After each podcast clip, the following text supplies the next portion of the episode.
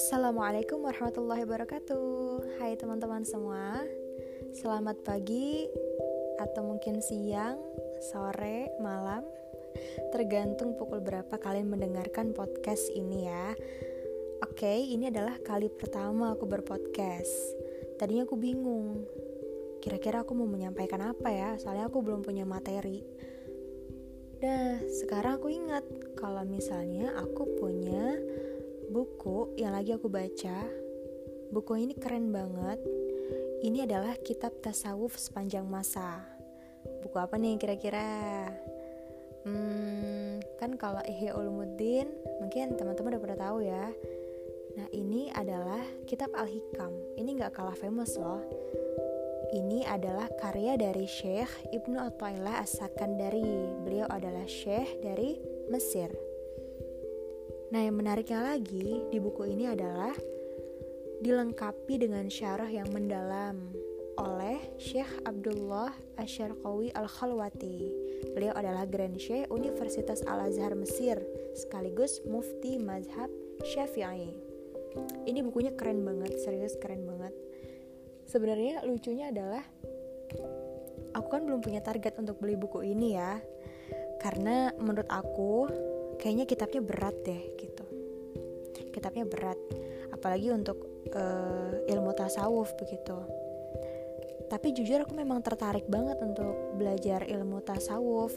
Aku pelajari sedikit-sedikit lah biografi dari uh, syekh-syekh sufi.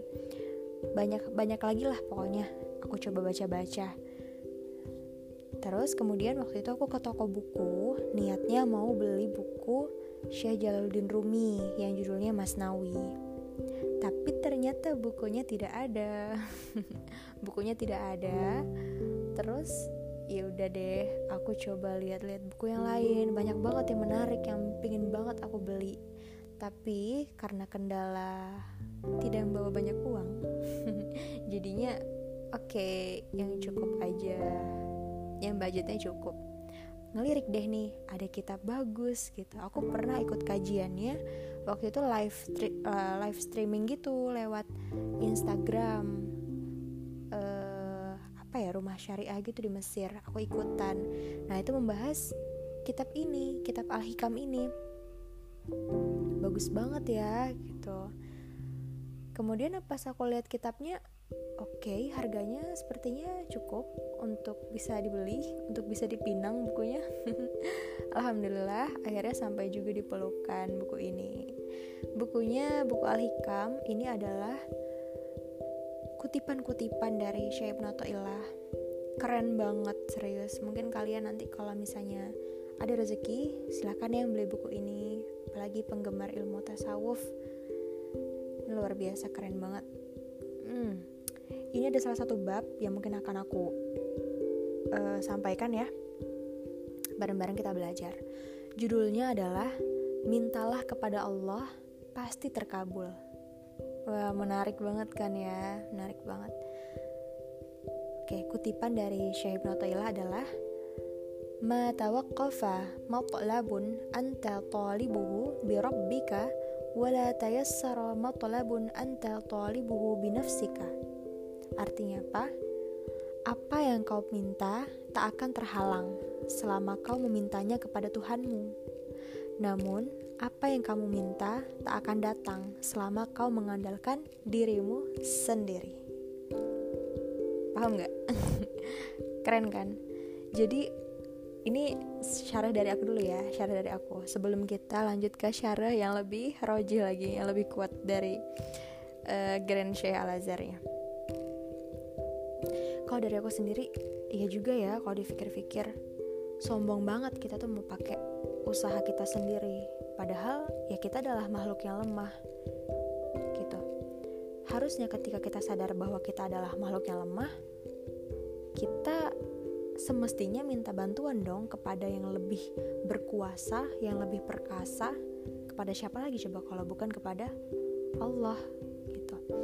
Nah tapi kebiasaan manusia adalah dia itu harus terjebak dulu, harus jatuh dulu, harus uh, tertampar dulu sama keadaan, baru dia itu kembali kepada Allah, kemudian meminta dengan khusyuk, kemudian memelas gitu. Padahal sebenarnya kita itu harus melibatkan Allah dalam setiap keadaan, apa pun itu.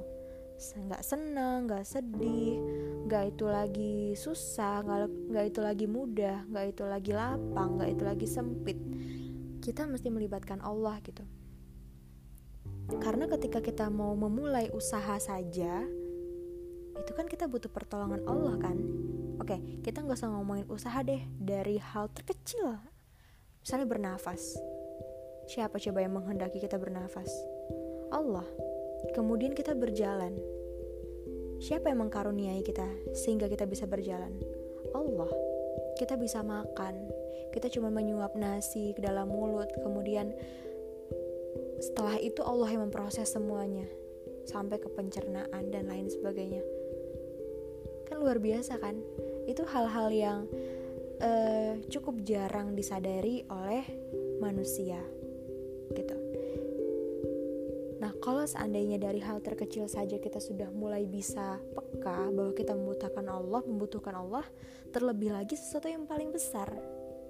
Gitu dengan membiasakan diri melibatkan Allah dalam setiap urusan, otomatis kita nggak jauh-jauh dong untuk minta tolong sama Allah. Gitu. Apa yang kamu minta tidak akan terhalang selama kamu mintanya kepada Tuhanmu. Namun, apa yang kau minta tak akan datang selama kau mengandalkan dirimu sendiri. Padahal tuh Allah tuh deket ya sama kita, tapi kitanya yang menjauh, kitanya yang memilih tersesat, kitanya yang malu untuk kembali padahal Allah bilang Idza sa'alaka ibadi anni fa inni qaribun kata Allah. Jika hambaku bertanya tentang aku, maka katakanlah bahwasannya aku dekat. Masya Allah. Luar biasa. Semoga setelah ini kita sadar ya bahwa apa pun keadaannya, kita harus melibatkan Allah. Kembali kepada Allah. Minta tolong ya Allah ya Allah bantu hamba ya Allah. Sungguhnya hamba adalah adalah orang yang lemah. Ke mana lagi sih kita layak untuk menjadi pengemis untuk menjadi sosok yang hina selain kepada Allah?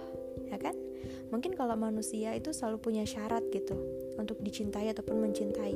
Tapi Allah enggak Allah selalu welcome kepada siapa pun hambanya yang ingin kembali. Syarat untuk mencintai dan cintai Allah itu kan adalah iman ya iman kepada Allah gitu. Dan bersyukur kita terlahir sebagai muslim. Dan luar biasa seandainya eh, teman-teman mungkin ada yang mualaf mungkin itu luar biasa juga. Alhamdulillah hidayah dari Allah itu nggak terbeli lah ya nggak terbeli. Masya Allah alhamdulillah itu kesyukuran uh, yang patut kita hargai yang patut kita syukuri. Kesyukuran yang patut kita syukuri. Jadi begitu. Jangan malu ya minta sama Allah jangan malu. Karena uh, kita juga tahu kan kalau doa itu sebenarnya nggak ada yang ditolak sama Allah. Doa itu ada tiga jawaban. Yang pertama adalah dikabulkan dengan segera. Kemudian yang kedua adalah ditunda yang ketiga adalah diganti dengan yang lebih baik coba deh dari tiga itu apa ada maksud Allah yang buruk? Apa ada kehendak Allah yang membuat kita sengsara? Gak ada. Bahkan ya, uh, aku inget banget dulu aku pernah berdoa apa gitu waktu kecil ataupun waktu umur berapa lah berapa belas aku pernah mendoakan hal itu tapi belum terwujud. Bahkan aku sampai lupa sama doa aku doa aku itu. Ya udah aku menikmati umur usia gitu. Pada suatu waktu Allah kasih apa yang pernah aku doain. Bahkan aku sendiri lupa kalau aku pernah mendoakan itu. Nah di situ poinnya bahwa Allah tuh nggak pernah melupakan apa yang kita minta jangankan apa yang kita minta ya apa yang kita butuhkan aja Allah nggak pernah lupa gitu. Luar biasa masya Allah. Alhamdulillah. Itulah nikmatnya ya menjadi hamba Allah. Oke, sekarang kita beranjak ke syarah yang roji Syarah yang kuat dari uh, Syekh Abdullah Asyarqawi Al-Khalwati. Apa sih kata beliau mengenai kutipan ini? Kata beliau adalah Permintaan yang dimaksud pada hikmah ini bersifat umum, meliputi semua permintaan, baik itu yang berkaitan dengan dunia maupun akhirat. Apa yang kau minta dan inginkan tidak akan terhalang selama dalam mencarinya kau tetap memperhatikan Tuhanmu, menghadirkannya dalam hatimu, dan bersandar kepadanya agar memudahkan permintaan dan urusanmu. Namun, permintaan itu sulit kau raih bila kau lalai darinya dan bersandar kepada orang-orang sekitarmu atau pada kekuatanmu sendiri. Barang siapa menyerahkan segala kebutuhannya kepada Allah, berlindung dan bertawakal kepadanya, Allah akan mencukupi kebutuhannya, mendekatkan yang jauh darinya, dan memudahkan segala yang sulit baginya. Barang siapa yang mengandalkan ilmu dan akalnya, serta bersandar pada kekuatan dan kemampuannya, Allah akan mempersulitnya dan membuatnya gagal. Apa yang diinginkan dan dibutuhkannya itu tidak akan mudah didapatkan dan sulit diwujudkan. Begitu. Jadi, ini pelajaran berharga untuk kita semua bahwa janganlah kita mengandalkan diri sendiri kita gitu. Kita punya Allah yang maha segalanya. 99 asma Allah itu kita yakini, jangan cuman kita baca. Kita mungkin sudah kenal dengan 99 asmanya, tapi kita kurang yakin dengan itu semua. Kita berdoa, tapi yakin kita tuh ketinggalan gitu doa tapi akhirnya ketinggalan dan pada akhirnya apa pada akhirnya ketika kita tidak mendapatkan apa yang kita harapkan ya sudah kita jadi merasa kecewa nauzubillah min zalik bahkan kecewa pada Allah pada ketetapan Allah padahal kan konsepnya nggak begitu kalau kita paham tentang jawaban dari doa yang tadi yang kita bahas sebelumnya bahwa jawabannya ada tiga dikabulkan segera ditunda karena memang belum waktunya dan yang ketiga adalah diganti dengan yang lebih baik. Begitu. Percayalah Allah tidak akan pernah mengecewakan hambanya. Tugas kita ada, adalah meyakini, meyakini ketetapan Allah Subhanahu wa taala. Oke, mungkin sekian dulu ya pembahasan podcast kita kali ini. Ingat, mintalah kepada Allah pasti terkabul. Oke teman-teman, semoga kita bisa berjumpa di episode selanjutnya. Mungkin bisa review buku, review buku atau mungkin ya ada pembahasan lain ya, insya Allah. Semoga bermanfaat. Wabillahi taufiq wal hidayah, waridha wal inayah. Wassalamualaikum warahmatullahi wabarakatuh.